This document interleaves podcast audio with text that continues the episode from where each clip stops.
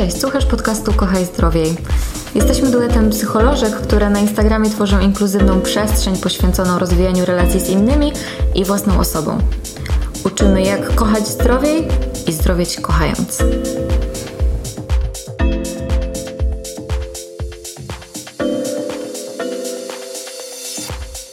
Cześć, y, ja jestem Dominika, a ja Gosia. Y, Gosia jest świeżo upieczoną psycholożką. Jest również wolontariuszką w sieci Przyjaciół Zdrowia Psychicznego. y, Stale edukuje się w obszarze zdrowia psychicznego i edukacji seksualnej. Dodatkowo jest jedną z nielicznych osób, które znam, która potrafi zrobić szpagat w dowolnym miejscu i na dowolnej przestrzeni.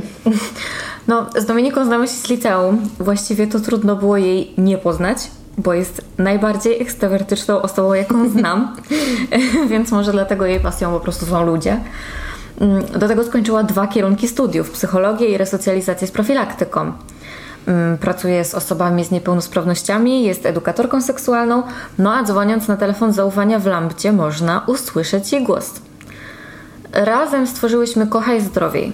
Zaczęłyśmy od profilu na Instagramie, ale bardzo chciałybyśmy rozwijać tę inicjatywę, bo mm, takim celem naszej działalności jest y, szerzenie takiej wiedzy, jakiej nam kiedyś no po prostu zabrakło na etapie wchodzenia w dorosłość, czy, no, czy mierzenia się z trudnościami związanymi ze zdrowiem psychicznym. Tak, mamy też takie poczucie, że w obecnej sytuacji takiej społeczno-politycznej e, poruszanie tematów z zakresu zdrowia psychicznego, ale też relacji, seksualności e, jest szczególnie ważne. Bo jesteśmy teraz w takim punkcie na osi czasu, e, który wymaga podejmowania tych tematów bardziej niż mam wrażenie kiedykolwiek. E, Pandemia, fake newsy, ale też ogólnie wygórowane oczekiwania, które spoczywają szczególnie na młodych osobach, e, no, które nie mają teraz łatwo, bo utrudniony rozwój społeczny, zagrożenie, jaką, jakie niesie ze sobą otchłań, jaką jest internet, też nierealistyczne wyobrażenie na temat ciała i seksualności, które widoczne są na social, na social mediach, no ale też w szeroko dostępnej pornografii. E, No i dodatkowo w tle naciągający kryzys ekonomiczny i klimatyczny, który również no, na pewno nie napawa optymizmem. E, No, trochę powiało szarością, e, ale nasz profil z założenia miał być właśnie takim kontrastem do tej sytuacji. Kolorowym, czasem nawet za bardzo, miejscem, gdzie młode osoby, no ale też nie tylko, y, mają poczuć się bezpiecznie i sięgać po edukacyjne treści, które oparte są na wiedzy psychologicznej y, i seksuologicznej. No niestety w szkole i w domu rzadko kiedy otrzymujemy narzędzia, no i też wiedzę na temat tego, jak radzić sobie z trudnymi emocjami, y, jak efektywnie komunikować się, czy jak stworzyć wartościowe relacje. No, myślę sobie, że to może być jakieś moje skrzywienie zawodowe, ale myślę, że ta umiejętność budowania relacji z innymi osobami, no ale też z samym, samą sobą, y, no jest jedną z najbardziej praktycznych umiejętności, które w ogóle możemy nabyć. No ja się zdecydowanie zgadzam, ale to może też dlatego, że mamy ten sam zawód. E, Kiedy opowiadałam raz komuś ym, o naszej inicjatywie, ym, padło takie pytanie, ale co to właściwie znaczy kochać zdrowiej? Jak się ma tutaj do tego w ogóle zdrowie? Ja czuję to tak, że pod tym słowem kochaj y, kryje się po prostu ym, bycie w relacji, czy to z sobą, czy z innymi, a pod słowem ym, zdrowiej y, to to, że te relacje będą dawały nam poczucie bezpieczeństwa, komfortu ym, i będą taką bezpieczną bazą do osiągania swoich indywidualnych celów. Y, Dzięki temu można i kochać, i zdrowieć. No i idąc dalej za tymi myślami, chciałyśmy poświęcić nasz pierwszy podcast na przedstawienie tego, co my uważa, uważamy za jakieś takie mm, filary zdrowej relacji. No i od razu też zaznaczam, że to, o czym mówimy, to nie jest jakiś taki wgrany system, który się albo ma, albo nie ma. To jest coś, co musisz mm, zainstalować i stale w sobie aktualizować. Nie wiem skąd mi takie informatyczne metafory się wzięły, bo jakoś nie do końca technologicznie ogarniam rzeczy. Może inaczej. E, Tak jak można kształtować nawyki na przykład żywieniowe, tak można też kształtować nawyki relacyjne. No i wiem też, że nie wyczerpiemy tematu, bo to jest temat w ogóle na Temat rzeka. książkę, ale mimo to podejmiemy próbę no, ujęcia tych kilku rzeczy, które wydają się nam ważne. Tak, no i myślę tutaj, że możemy już przejść do konkretów i zacząć od takiego pierwszego e, filaru zdrowej relacji, oczywiście w naszym ujęciu. No i w takim naszym, w naszej perspektywie jest to elastyczność e, i gotowość do poznawania samego siebie. E, wyszłyśmy z takiego założenia, że jakby to kluczowe, żeby najpierw budować relacje z samym sobą, a to, co dzieje się poprzez e, poznawanie swoich e, jakby wrażliwych obszarów, ale też zapalników, e, ale również takich obszarów, które mm, możemy nazwać jakimiś mocnymi stronami, jakby jest tutaj bardzo ważne. Na przykład takim zapalnikiem może być to, że druga osoba przesuwa nasze rzeczy na biurku, kiedy na przykład ściera kurze, E, a nas to e, w jakiś sposób porusza, denerwuje, bo przypomina e, nam o tym, że kiedy mieszkaliśmy z rodzeństwem, nie szanowano naszej przestrzeni. I w momencie, kiedy jesteśmy świadomi tego, że taki mechanizm u nas działa, to mamy możliwość, żeby skontrolować naszą reakcję E, i świadomie zająć się tymi trudnymi emocjami, e, zamiast jakoś nieadekwatnie do sytuacji manifestować swoje niezadowolenie. E, dajemy sobie wtedy taką przestrzeń na to, żeby powiedzieć, na przykład, nie wiem, dzięki, że posprzątałeś, ale następnym razem moje biurko mogę ogarnąć sama. Myślę, że druga osoba mm, tak praktycznie ucieszy się, że mam mniej do sprzątania no i też myślę sobie, że taki mm, prosty przykład, ale może pokazać, że y, takie faktyczne metody, które pozwalają zrozumieć samego siebie, ale też skomunikować swoje potrzeby, y, może pokazać, że ta komunikacja może być skuteczna. Dokładnie, a z kolei ta wspomniana elastyczność y, w tym wszystkim pozwala nam na zachowanie jakiegoś marginesu błędu i jednak możliwość dostosowywania się do danych sytuacji czy mm, dopasowywania do drugiej osoby. No też oczywiście z jakimś poszanowaniem swojej odrębności, mm, no ale jednak, żeby, żeby zachować ten taki, mm, no ten właśnie taki margines błędu, żeby żeby nie być takim sztywnym. I kontynuując Twój przykład, to mm, dzięki tej elastyczności jestem w stanie pojąć, że osoba partnerska doskonale wie, że moje długopisy leżą po lewej, a książki po prawej i wiem, że nie porozstawia mi tego. Ym, i uczę się, że to, że ona sprząta to moje biurko, to nie znaczy, że nie szanuje mojej przestrzeni i prywatności, tak jak robiła, nie wiem, moja siostra czy brat, a wręcz przeciwnie, dba o tą przestrzeń i potrafię to przyjąć i zaakceptować. Mhm. No sobie, że na przykładach łatwiej to zrozumieć, ale tak e, mówiąc prościej, tym takim pierwszym filarem, który y, jakoś ujęłyśmy, y, byłaby zdolność i gotowość do poznania samego siebie i też taka zdolność do ciągłego aktualizowania swoich reakcji czy zachowań. Tak, myślę, że to krótkie zdanie dobrze podsumowało to, o czym mówiłyśmy. Mm, na kolejny filar składa się autentyczność, szczerość i transparentność. No i mamy tutaj na myśli to, że w zdrowej relacji jesteśmy sobą i pozwalamy też na to drugiej osobie. Mm, z zasady, no nie ukrywamy niczego przed drugą osobą, czyli mamy swoją prywatność, ale nie mamy tajemnic, których ujawnienie mogłoby jakoś wpłynąć na status naszej relacji.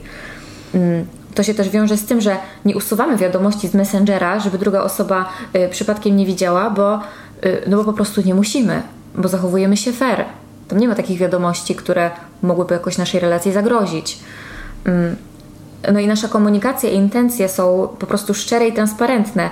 Wyrażamy to, co czujemy, czego potrzebujemy, mm, czego oczekujemy. I to samo działa w drugą stronę.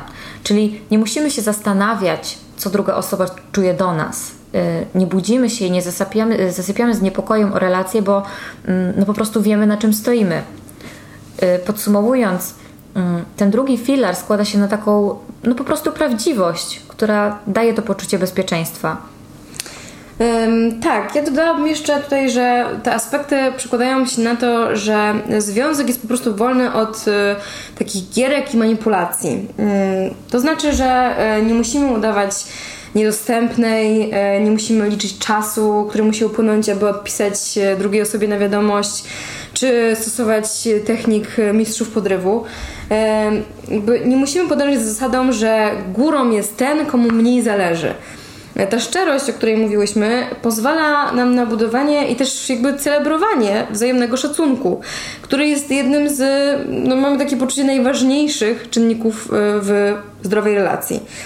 Bo jest on ważny zarówno w relacjach, które opierają się na takim wzajemnym zaangażowaniu emocjonalnym, e, ale też w takich relacjach e, no, bardziej luźnych, typu friends with benefits, no bo myślę sobie, że w tych relacjach również szczerość, autentyczność i transparentność jest czymś bardzo istotnym, żeby te relacje mogły być bezpieczne dla wszystkich stron. Tak, i myślę, że bardzo dobrze, że podkreślasz właśnie ten aspekt jasnych intencji wobec drugiej osoby. Mm, ten trzeci filar to, to emocje, które w relacji są ważne, bo nie da się tego ukryć, ale nie są najważniejsze. Mm, często spotykam się z takim przekonaniem, że dobry związek to ten, w którym czuję się jak najwięcej i jak najmocniej, że to jest właśnie ta prawdziwa miłość. Ale to nie do końca jest tak, bo mm, intensywność emocji nie przekłada się na jakość więzi, którą mamy. I zagrożeniem będzie tutaj taka romantyzacja tych y, motyli w brzuchu, czyli mieszanki niepokoju i ekscytacji. Mm, no i w zdrowej re relacji rzeczywiście jest miejsce na wiele, ale wszystko też ma swój czas. Te pierwsze huśtawki emocji powinny ustąpić miejsca poczuciu spokoju i stabilności. No i y, tutaj może takie porównanie znowu, nie wiem co mam dzisiaj z tymi metaforami, że związek będzie bardziej jak lazy river niż roller coaster. Myślę też, że um jakby dodam, że warto y, zaznaczyć, y, że może taka moje tutaj y, psychologiczne zboczenie zawodowe, ale myślę, że warto to podkreślać, że emocje są czymś zupełnie naturalnym i potrzebnym. Jakby nie ma złych emocji. Mamy prawo, żeby czuć te wszystkie emocje. No, nieraz mówimy o tym u siebie w postach, że właśnie każda emocja ma jakąś swoją funkcję, jakby coś nam komunikuje. E, I bardzo cenną umiejętnością jest e, regulacja emocji, bo ona pozwala nam e, reagować właściwie na sytuacje, które się dzieją. Nie możemy zadecydować, że nie będziemy czuć tych nieprzyjemnych emocji, czyli zazdrości albo na przykład złości, ale możemy zadecydować, że pod wpływem tych emocji zachowamy się w konkretny sposób. E, czyli nie zaprzeczę temu, co czuję i będę na przykład mówić sobie w kółko jak mantrę nie, już nie jestem zła, już nie jestem zła i będę tłumić to, co czuję. E, mogę przyznać, że czuję złość, czuję e, te emocje, które też jakoś są nieprzyjemne, ale mogę świadomie zdecydować, że mimo tego, że te emocje są intensywne, to nie będą one mieć wpływu na moje zachowania, że zdecyduje, że nie wbije szpilki w najbardziej czuły punkt y, mojej osoby partnerskiej. I bardzo ważne jest to, że właśnie te małe decyzje są tak istotne, bo to od nich zależy, w jaki sposób będzie ta relacja się rozwijać. E, I często właśnie rozpad relacji ma miejsce e, nie z powodu jednej kłótni, e, ale właśnie jest skutkiem nagromadzenia się tych małych szpileczek. Tak, i myślę, że podsumowując, można by powiedzieć, że y, emocje to nie są zachowania i możemy decydować o swoich działaniach. Y, kolejnym filarem jest wzajemność, bo wszystko to, o czym mówimy, powinno działać we wszystkie strony. Mm, w zdrowej relacji odpowiedzialność za nią mm, nie spoczywa tylko na barkach jednej osoby. I mm, to też w konsekwencji daje takie poczucie, że jeśli ja przeżywam trudniejszy moment, ze sobą, czy mam trudności ogólnie jakieś tam w życiu, to wiem, że ta druga osoba ze mną jest, że mnie wesprze i że razem tworzymy taki współpracujący team. Tak, no i też to, to jest ważne, to, to, że brak takiej równowagi może skutkować tym, że jeden ze stron no może w konsekwencji stać się w relacji na przykład opiekunem albo psychoterapeutą, a w skrajnych przypadkach y, może to stać się jakąś przestrzenią do nadużyć, a myślę, że nawet do przemocy. W związku e, ważne lub, nie, lub mniej e, są, e, są konkretnie wypowiedziane zasady. Są one takim kolejnym, piątym filarem, którym, który tutaj uwzględniłyśmy. Nie ma jakichś takich uniwersalnych zasad dla wszystkich. Tutaj wchodzimy troszeczkę na taki temat normy partnerskiej. Ona jest taką indywidualną sprawą e, dla danej relacji, dla, dla, dla danego związku. Chodzi o to, że na przykład jedna osoba powie, że no, żadna normalna dziewczyna nie zgodziłaby się na to, żeby mieć trójkąt, a inna powie, że przecież to normalne, przecież to nienormalne, żeby mieć tylko jednego partnera przez całe życie. Każdy sam może decydować, co jest dla niego normą partnerską, dopóki nie narusza to komfortu czy zdrowia osób, które są zaangażowane w relacje. Ja osobiście starałabym się w ogóle unikać e, tego słowa normalne, bo od niego jest bardzo blisko do słowa dobre, a tu wkraczamy już w takie obszary związane z ocenianiem czy wartościowaniem. Mm, pomyślałam też, bo wspomniałaś o zasadach na samym początku, mm, że można mieć taką myśl, no ale jak to? Zasady w związku? Przecież jak ja kocham tą osobę, a osoba kocha mnie, to wszystko się magicznie ułoży. Ale to niestety nie jest tak. I respektowanie tych związkowych zasad i granic jest ogromnie ważne i kluczowe. E, tak, no i tutaj też widzimy, że mm, pojęcie zdrady jest płynne, tak? bo e, jest ona wyraźnym i świadomym naruszeniem tych związkowych zasad, e, które w konsekwencji prowadzi do jakiegoś cierpienia. No i tutaj dla jednej osoby zdradą będzie na przykład przytulenie przyjaciela, a dla innej seks z inną osobą, a dla jeszcze innej no nie wiem, na przykład stosunek e, z inną osobą będzie ok, ale spotykanie się z kimś na seks więcej niż raz, no już będzie nie ok. Tak, i tutaj jeszcze też bym podkreśliła, że to jest um, takie ważne, żeby też słuchać siebie i słuchać. Tego, co nam podpowiada nasza wrażliwość, że może się nam wydawać, że no nie, musimy być super otwarci, musimy się zgadzać na wszystko, bo tak jest ok i że tak dzięki temu będziemy lepszym partnerem, lepszą partnerką, ale to, to nie jest tak, że jeżeli czujemy coś w sobie, w swoich emocjach, w swoim ciele, że na coś się nie godzimy, to mamy prawo o tym mówić i nie przejmować się tym, że ktoś nam powie, że to jest jakieś, nie wiem, pruderyjne. I tak samo w drugą stronę, że jakby jeżeli nam coś nie przeszkadza, to też możemy o tym otwarcie otwarcie mówić i się tego nie wstydzić, że, że mamy jakieś takie bardziej otwarte podejście. No i od tych zasad i zdrady y, chyba płynnie możemy przejść do szóstego już filaru, czyli zaufania. Y, taka zdolność może nie być łatwa ze względu na to, że y, no możemy mieć też trudne doświadczenia w innych relacjach albo mamy taki styl y, przywiązania. Po prostu boimy się mieć ufność do drugiej osoby. Mm, więc tutaj kluczowym będzie wspólne budowanie tego poczucia bezpieczeństwa i jakieś takie oswajanie tego zaufania, żeby ono się zwiększało. Mm, dlatego tak ważne są te związkowe zasady i ich respektowanie. Bliskie temu jest też poznanie takich wrażliwych punktów drugiej osoby. Mm, pozwala nam to być dla niej wsparciem, kiedy te punkty zapalne, punkty wrażliwe zostają aktywowane. Mm, tak samo w zdrowie relacji my ufamy, że druga osoba wesprze nas w naszych trudnościach, że przyjmie nasze trudne emocje. Myślę sobie że też, że blisko jest temu do naszego kolejnego, piątego filara, e, czyli do partnerstwa. E, w zdrowej relacji mamy takie poczucie, że jesteśmy na równi e, z naszą osobą partnerską.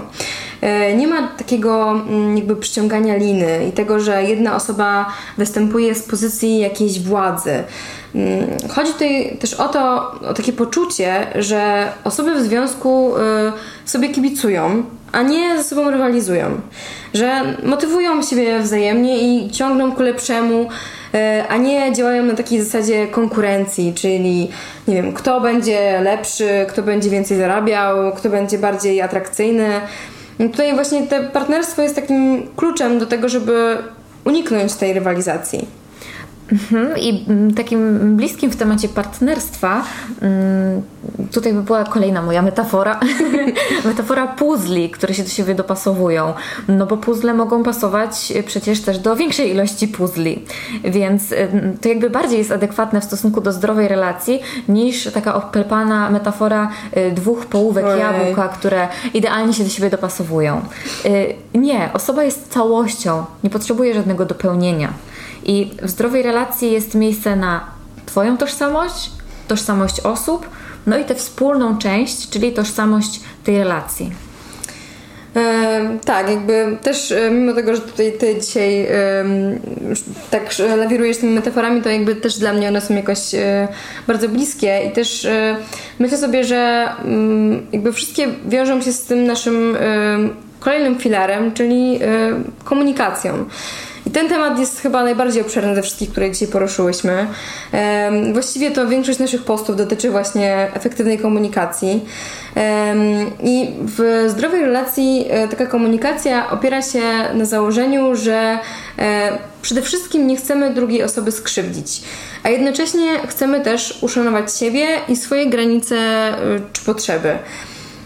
Tutaj mogę podać taki przykład, że no, inny sposób brzmi komunikat znowu to robisz, jak ty mnie traktujesz, w ogóle mnie szanujesz, jakby niż przemyślaną wypowiedź właśnie zgodna z zasadami efektywnej komunikacji, czyli na przykład przykro mi, kiedy mnie słuchasz, e, bo czuję się wtedy nieszanowana. E, jak posługujemy się takimi ogólnikami jak nigdy albo zawsze, to taka rozmowa niczego nie rozwiąże, mm, a w konsekwencji może nas bardziej od siebie oddalić. E, kiedy występujemy z tego komunikatu ja, czyli ja czuję, ja potrzebuję, E, to w ten sposób zwiększamy szanse na to, żeby ta rozmowa miała powodzenie, żeby mogło przynieść jakiś efekt. Tak, i to bardzo ważne, żeby sobie wzajemnie właśnie ułatwiać tą komunikację z drugą osobą, a nie utrudniać, bo dajemy wtedy drugiej osobie mm, przestrzeń do zrozumienia naszej perspektywy, a nie prowokujemy do odbicia piłeczki. I takim ułatwieniem komunikacji jest też mówienie wprost tego, co mamy na myśli, a nie sprzeczne komunikaty w stylu wszystko ok, nieważne, a ewidentnie coś jest nie tak i jest to wyczuwalne. Mm, w zdrowej relacji raczej też nie stosujemy takich, znaczy no może nie raczej, nie stosujemy mm, słownych manipulacji i wbijania szpilek, jak na przykład no, cieszę się, że dzisiaj wychodzisz ze znajomymi, przynajmniej ty będziesz mieć fajny wieczór, bo y, mnie niestety tylko czeka płakanie do poduszki. Oj, to na pewno nie jest y, przykład dobrej komunikacji. E, dodałabym jeszcze mm, to, żeby rozmawiać o tym, y, co jest tu i teraz. No bo pod wpływem emocji łatwo z kłótni o to, y, o niepozmywane naczynia z wczoraj przejść do przeglądu wszystkich awantur z całego związku. Tutaj takim skutkiem efektywnej komunikacji będzie dążenie do kompromisów. E, to, co jest ważne i jakby też stanowi jeden z przedostatnich filarów e, zdrowej relacji, to to, aby rozróżniać kompromisy od poświęceń. Chodzi o taki balans między naszym dobrem a dobrem drugiej osoby. Między osobami tworzy się jakaś zależność, gdzie jest właśnie miejsce na te kompromisy i poleganie na sobie, no i też na odpowiedzialność. Jednak jest różnica między zależnością a uzależnieniem. E, ta różnica polega głównie na e, chronieniu e, swojego dobra i swoich granic. Unieważniając samego siebie, ryzykujemy własnym zdrowiem psychicznym, ale też w konsekwencji nie jesteśmy w stanie stworzyć pełnej relacji na zasadach bezpieczeństwa. Chodzi mi o to, że mm, w takiej sytuacji dajemy komuś odczuć, że niczego nie potrzebujemy, że nie jesteśmy ważni, no i też w konsekwencji myślę, że pozbawiamy tę osobę jakiejś przyjemności związanej z dawaniem, a czasem wręcz możemy budzić w niej y, poczucie winy. Y, no i tu przed do głowy mi taki może dosyć prozaiczny, taki życiowy przykład, e, no ale który po zastanowieniu się może być jakąś głębszą metaforą, metaforą do tego, o czym, o czym mówimy. Na przykład w nocy jedna osoba zabrała drugiej osobie kołdrę, e, no i rano dowiadujemy się, że przez całą noc E, ta osoba marzła. No i w tej sytuacji e, mamy dyskomfort osoby marznącej, która, przez, której przez całą noc było zimno, ale też jakby dyskomfort osoby, która nieświadomie zaniedbała jakąś potrzebę. Czuje ona poczucie winy, ale też może poczuć się po prostu smutna, że nie miała możliwości zaspokoić tej potrzeby. Dlatego jakby tak bardzo ważne jest to, żeby mówić o tym, czego w danym momencie potrzebujemy. Tutaj w tym przypadku potrzebujemy kołdry. kołdry i ciepełka. Tak.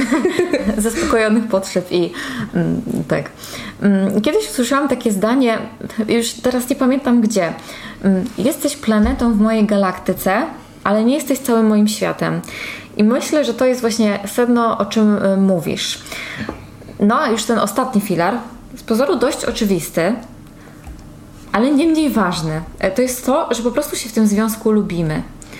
Mm, tam, to nasza więź i dbanie o nią sprawia, że relacja jest wyjątkowa, a y, nie jakieś randki, gdzie płyniemy motorówką, pijąc prosecco przy zachodzącym słońcu. No oczywiście y, takie randki są super i y, zachęcamy do celebrowania większych i mniejszych okazji, chodzenia właśnie na takie mega spotkania. No ale kiedy nie ma szczerej więzi między osobami, nie ma między nimi po prostu sympatii, to nawet lot helikopterem nad Karaibami tego nie zmieni. W zdrowej relacji nie musisz sobie myśleć, jakby to było z kimś innym, albo jakby to było, gdyby ta osoba była inna. I nie czekasz na jakieś zmiany czy wydarzenia, na przykład, no, kiedy on będzie się inaczej ubierał, to będzie mi się bardziej podobać i będzie lepiej. No, kiedy ono w końcu zacznie sprzątać w domu, to już nie będziemy mieć w ogóle problemów, nie będziemy się mieli o nic kłócić. Albo, nie no, kiedy jak się urodzi nam dziecko, kupimy psa, dom, wakacje, to już nam się wtedy wszystko ułoży. No nie, zdrowa relacja jest zdrowa tu i teraz, bo mm, jesteś z tą osobą, a nie z jakimś jej potencjałem, który sobie wyobrażasz, albo który, w który chcesz wierzyć. Też myślę, że warto tutaj mm, dodać, że mm, w sytuacji, kiedy już opadnie ten pierwszy e, taki intensywny etap namiętności, e, następuje kolejny naturalny etap, czyli etap namiętności e, i zaangażowania. Intymności. Intymności. No. E, co powiedziałam? Namiętności. Okej. Okay. chciała, żeby trwała namiętność do końca związku. Może podświadomie tutaj już. tak, intymności. Jakby, czyli właśnie tej takiej bliższej więzi już niekoniecznie jakby związanej z takim um, intensywnością i erotyzmem. Um, bo, um, bo bez e, takiego po prostu lubienia się nawzajem e, w związku e, można po prostu poczuć jakąś e, pustkę i rozczarowanie. Jakby kiedy, te, ta, kiedy ta namiętność opadnie, jakby tutaj możemy zostać z niczym. Może zostać zupełnie ten związek w jakiś sposób pusty. E, dlatego to wzajemne lubienie się jest e, tak bardzo ważne. I to właśnie ono buduje tą intymność. Czyli ten wspólny język, wspólne kody, jakieś rytuały. No i po prostu to, że jest nam wzajemnie jakoś razem fajnie. Tak. Już tak zbierając to wszystko, co powiedziałyśmy, co jest tutaj bardziej taką, taką jakąś taką zajawką tematów, które będziemy też y, tutaj poruszać, do których się będziemy odwoływać, kochać zdrowie będzie znaczyło być świadomym siebie i drugiej osoby, być autentycznym, odpowiednio używać swoich emocji, weryfikować wzajemność, dbać o jakieś wspólne zasady i zaufanie Mm, stawiać na partnerstwo w relacji, otwarcie się komunikować, chodzić na kompromisy, kiedy trzeba, nie mylić z poświęceniem mm, i po prostu lubić drugą osobę. Mm, to jest takie nasze pojęcie ideału, który pewnie nie do końca istnieje, ale myślę, że do którego warto dążyć. Tak, no właśnie ym, warto powiedzieć, że to jest ideał, bo chcemy zaznaczyć, że to nie jest tak, że jak zdarzy nam się czasem potknąć i powiedzieć e, ty nigdy mnie nie rozumiesz e, albo e, zrobić dramę, jakiś błahy powód, to relacja już jest w ogóle toksyczna i do zakończenia. Chodzi o to, żeby mm, tych niewłaściwych zachowań było mniej niż tych właściwych, tak dobrze powiedziałam.